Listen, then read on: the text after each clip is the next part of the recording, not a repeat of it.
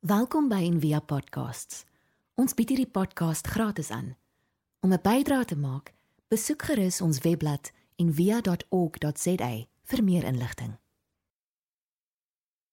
So ons het so 8 jaar terug begin om kinders na Bonnievale toe te bring en dit was na aanleiding van 'n lang gesprek van 2 jaar wat ons gehad het oor wat beteken die Jodese bar mitzvah want hier by 13 doen hulle eintlik 'n ongelooflike werk om 'n kind te laat voel dat hy het wat hy of sy nodig het om hierdie groot menswêreld in te gaan.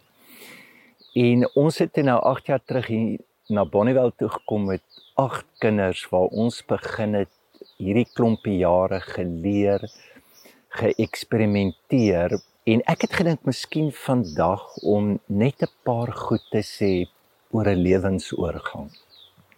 So ons is maar basies kudde diere. So en ons beweeg in 'n trop. En dit wat die trop doen, dit doen ons ook. Jy kan maar sê dat die mens mimiek. En dan in hierdie trop is daar gewoonlik heroes. En hulle beïnvloed die trop en hulle beïnvloed ons lewe. So ons vra altyd vir die kinders, so wie is jou hero? En dit is vir my amazing hoe dinge verander het. Jy weet, in my jare was dit dalk sportsterre of popsterre. Dis nou YouTubers en ehm um, beïnvloeders. Ehm um, en dis maar ons gemaak is hierdie hele wêreld se spieël en dit help ons om betekenis te kry in onsself. Nou dis baie interessant dat Jesus het ook iemand gehad wat hy ongelooflik geadmireer het. En dis Johannes die Doper. So, luister net hierdie woorde. Hy sê voorwaar ek sê vir julle onder die wat uit vroue gebore is, het daar nie een opgestaan wat groter is as Johannes die Doper nie. En dan hierdie se kant aantekening en luister nou mooi na dit. Maar die kleinste in die koninkryk van die hemel is groter as hy. Ons gebruik toevallig Johannes die Doper in hierdie tyd en stel hom voor aan die kinders want hy was 'n ongelooflike mens in die sin van dat hy eintlik gebreek met die kudde. En 'n mens kan sien dat hy sy eie stem gekry het, dat hy baie gou agtergekom het wie hy is. So hy's nie in die tempel nie, hy dra nie mooi wit klere en linne nie, hy dra 'n kameelvel. Hy eet nie dieselfde as hulle nie en dan sy grootste sonde is dat hy preek vergifnis buite die tempel. So hy was eintlik 'n rebel geweest. Hy was op 'n manier 'n warrior wat uit diep oortuigings lewe wat die meeste van die tyd teen die kudde was. Nou dis interessant met die aansluiting van dit wat ons nou lees is eintlik op 'n baie kritiese tyd van Jesus se lewe en jy kan amper praat oor dit was 'n groot lewensoorgang vir hom. So wat se lewensoorgang? Jy kan dit maar deur noem en daar's 'n paar groot deure. Ons kom in hierdie wêreld in. Dis die eerste deur en ons kom uit God. Ons het bestaan voordat ons bestaan het. En voordat jy in jou moeder skoot was, was jy al in God. En dit is 'n ongelooflike gedagte om te hê dis ons hier inkom is die eerste deur en dan wat berskool doen is as ek van 'n kind na adolescent toe gaan wat beteken dit en dan die gedeelte met Jesus is van 'n adolescent hy is in sy laat 20s en nou gaan hy na sy volwasse lewe toe dis voor sy bediening hy begin te werk en dan natuurlik ons ouderdom of my ouderdom wat ehm um, jy van 'n volwasse na 'n wyse gryse toe gaan is ook 'n verskriklike groot oorgang. Nou ek het gedink kom ons praat net oor 'n paar goed wat belangrik is as ons praat van 'n lewensoorgang. Kom ons gebruik net maar Paulus taal van 'n toe ek 'n kind was gedink geredeneer gepraatskind nou dat ek 'n man is en wat wat 'n oorgang ook al beteken. Daar's baie metafore is, is soos 'n boom met ringe dat ehm um, soos wat ons groei elke jaar is daar ontwikkeling 'n merk en so en wat is dit dit leer ons iets van die seisoene waardeur daai boom was en so groei ons en so ontwikkel ons en ons is eintlik in al die fases gelyktydig jy hoor partykeer en dit het ek hierdie naweek ook weer gesien dat hier's regtig kinders wat Hulle te oud soul, dis die woord wat. Daar sal 'n stuk wyse grysheid in hulle ook. Maar dan is daar 'n dominante tyd in my lewe wat ek regtig goed nodig het. En om deur een deur te gaan beteken dit jy moet goed los in die kant en jy neem nie met take op. Nou, miskien nie drie goed oor 'n lewensoorgang wat belangrik is is nommer 1 jy het 'n vader nodig. Jy in ons taal sal ons nou praat van jy het 'n coach nodig of jy het 'n mentor nodig.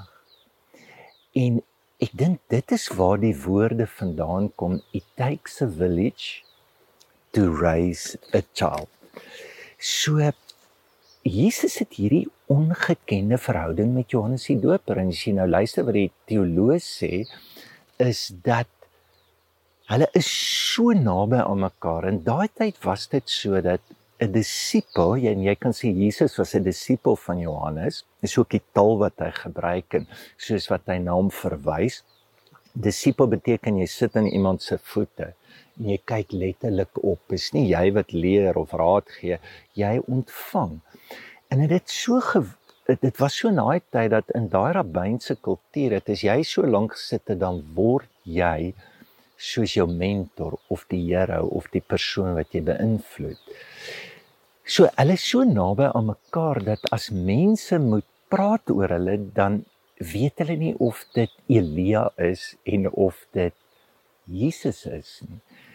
En dan kom 'n mens agter dat Jesus dit vat 'n tyd voordat hy sy eie stem kry. So hy's in sy laat 20's, word nou 30 En nou begin sy bediening. So hy is in laat adolessensie, vroeë volwassenheid en nou begin hy met dit wat hy doen.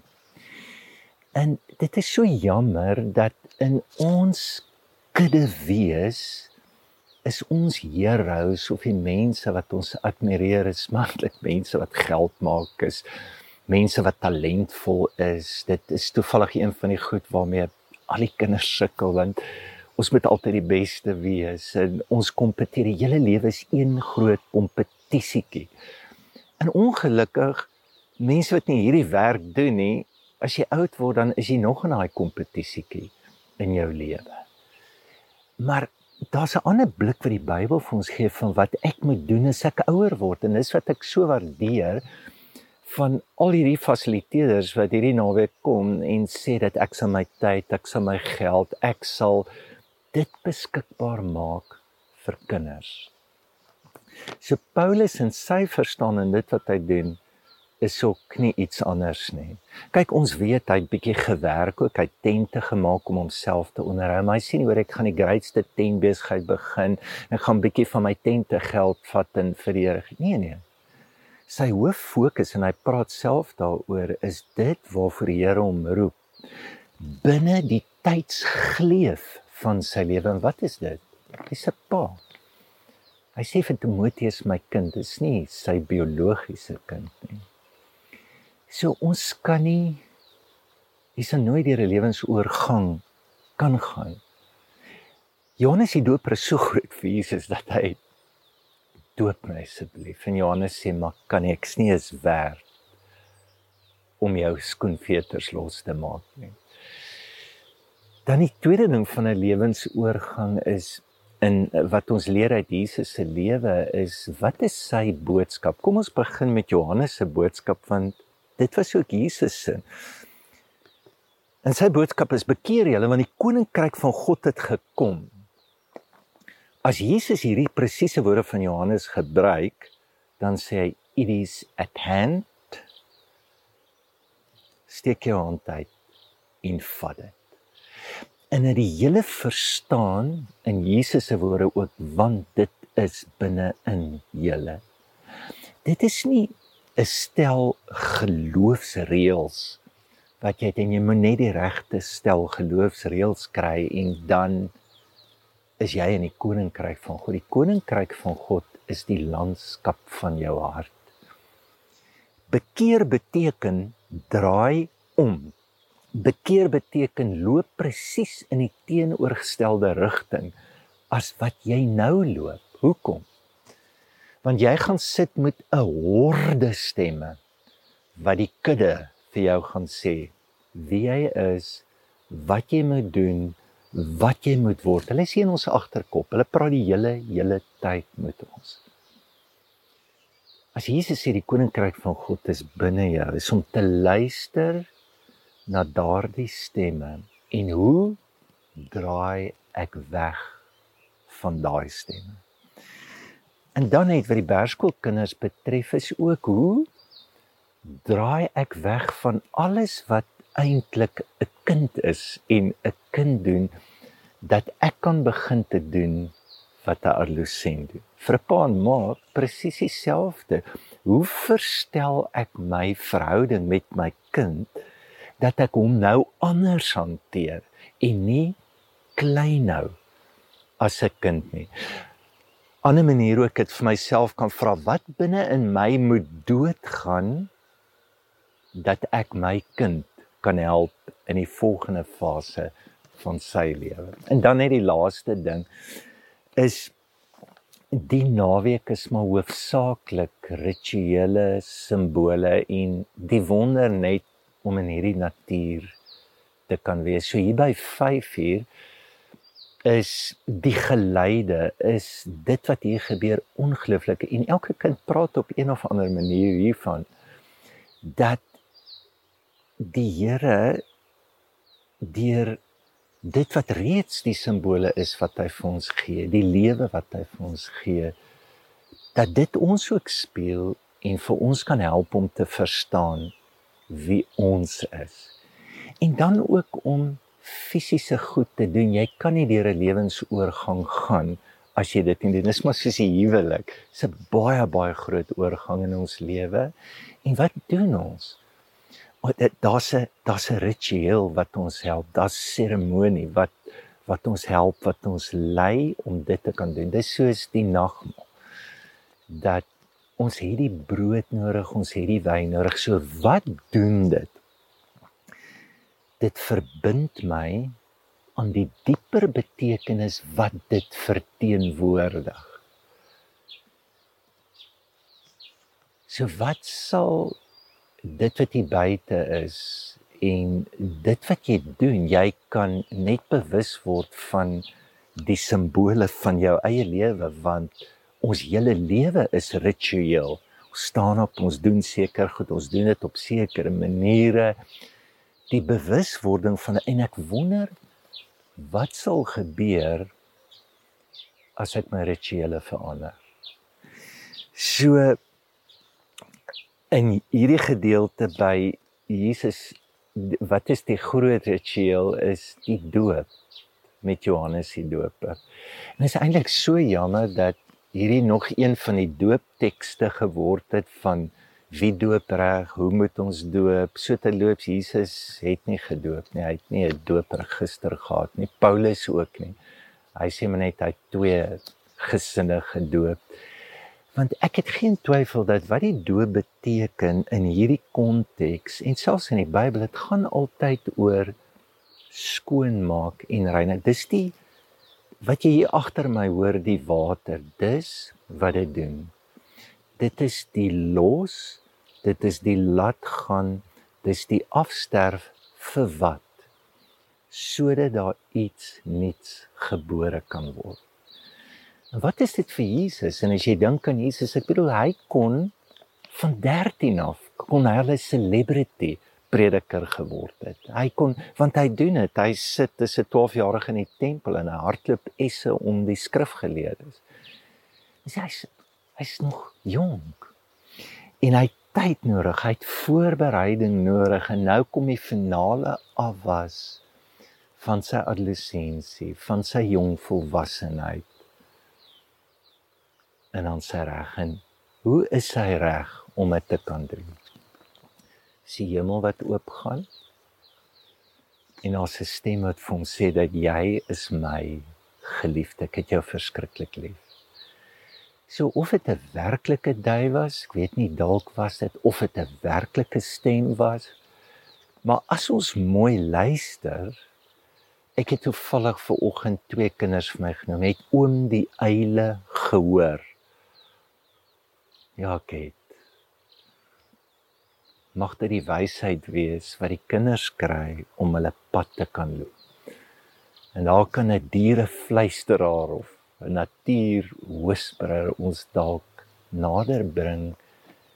En ek dink wat alles hier buite sê is presies dit wat vir Jesus gesê is. Dat jy is 'n geliefde.